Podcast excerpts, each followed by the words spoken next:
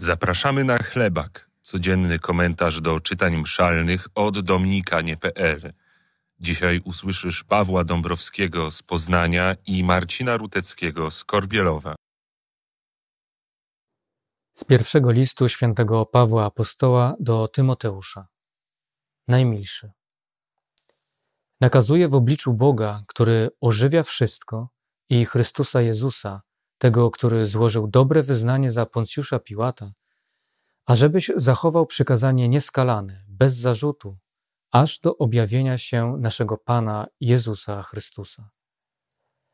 Ukaże je we właściwym czasie błogosławiony i jedyny władca, król królujących i pan panujących, jedyny mający nieśmiertelność, który zamieszkuje światłość niedostępną, którego nikt z ludzi nie widział ani nie może zobaczyć.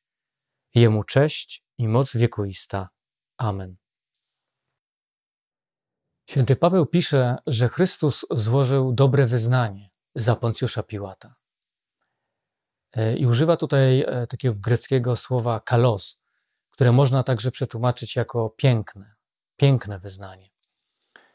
Bo świadectwo, które jest poświęcone życiem, poświadczone życiem, e, jest tak naprawdę nie tylko dobre, ale i piękne. Chrystus zapłacił za swoje wyznanie życiem. Więc wyznawać swoją wiarę to znaczy wyznawać ją życiem, a to wymaga heroizmu, czyli poniesienia dużych kosztów, y, pełnego zaangażowania i pełnego oddania. Jednak jeżeli się na to zdecydujemy, to nasze życie będzie i dobre, i piękne. I oczywiście nie od każdego z nas wymaga się, by w sensie dosłownym oddał życie za wiarę.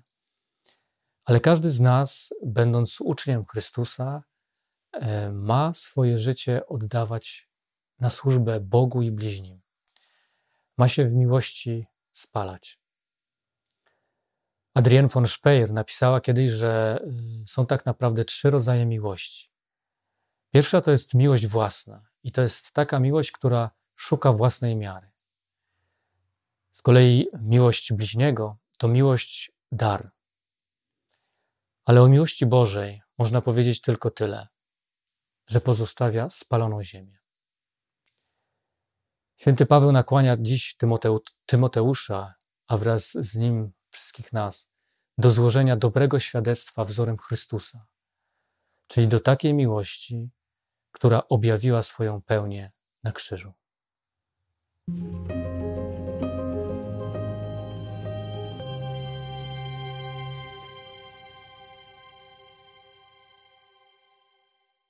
Z Ewangelii według świętego Łukasza.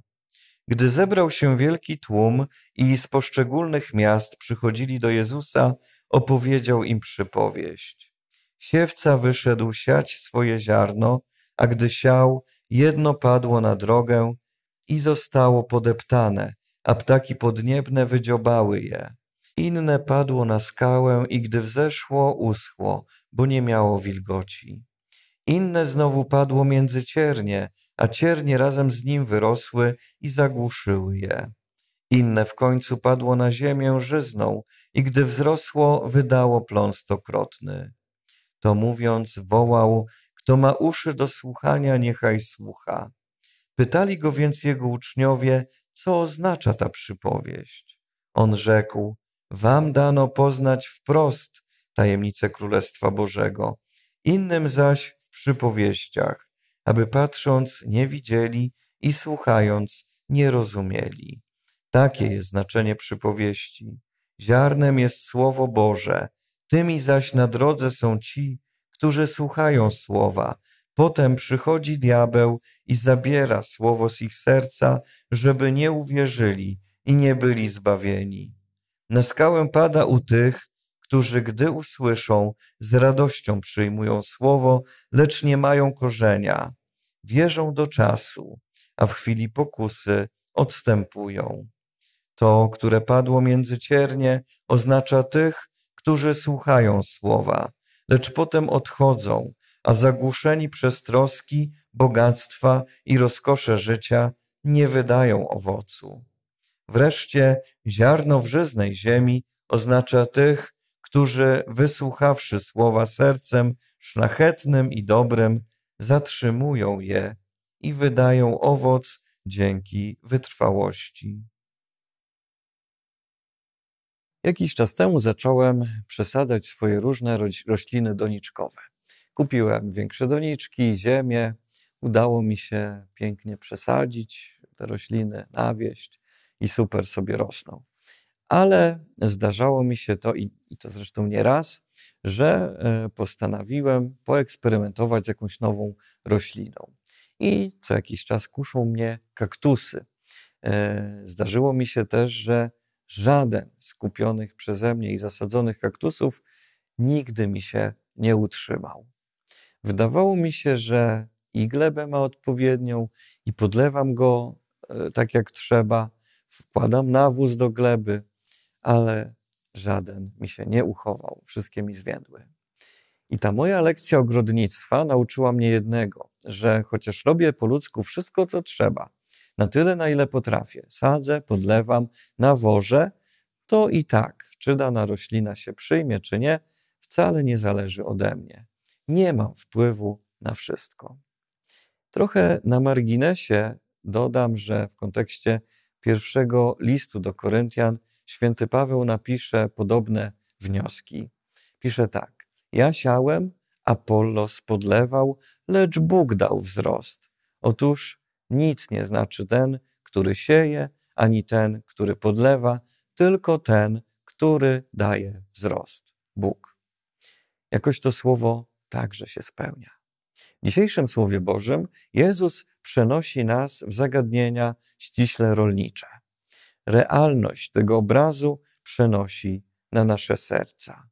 Osoba, która chce siać ziarno słowa, tak by wydało plon, przygotowuje odpowiednio glebę. Bóg także przygotował glebę na ziarno swojego słowa. Stworzył Ciebie i Twoje serce. I to jest gleba przygotowana na Jego słowo. Wystarczy, że zatroszczysz się o jakość tej gleby, że zadbasz o glebę Twego serca każdego dnia, sekunda po sekundzie, minuta po minucie, zachowując je w czystości i w duchowym zdrowiu. Przygotowana gleba może przyjąć nasiona. A Jezus, Jezus jest tutaj hojnym siewcą, choć czasem można by się zastanawiać, czy nawet nie zbyt marnotrawnym. Niemniej jednak pragnie On, abyś zatroszczył się o słowo, które On rzuca w glebę Twego serca. Dlatego drugim naszym podstawowym zadaniem jest zadbać o glebę i o ziarno słowa, które jest w nie rzucone. Przyjrzyj się dzisiaj swojemu sercu, jak dbasz o ziarno słowa rzucone w glebę Twojego serca, jak je nosisz, jak je podlewasz, jak je nawozisz, w jaki sposób wracasz do tego słowa, do tych drobnych ziaranek, które rzucił Bóg. Życie, praca ogrodnika ma coś z przygody. Czasem uda się z sukcesem zasadzić roślinkę, a czasem nie. Czasem kaktus się przyjmie, a czasem się nie przyjmie. I wiemy dobrze, że może się zdarzyć, że nie uda ci się zatroszczyć jednakowo o wszystkie ziarna słowa.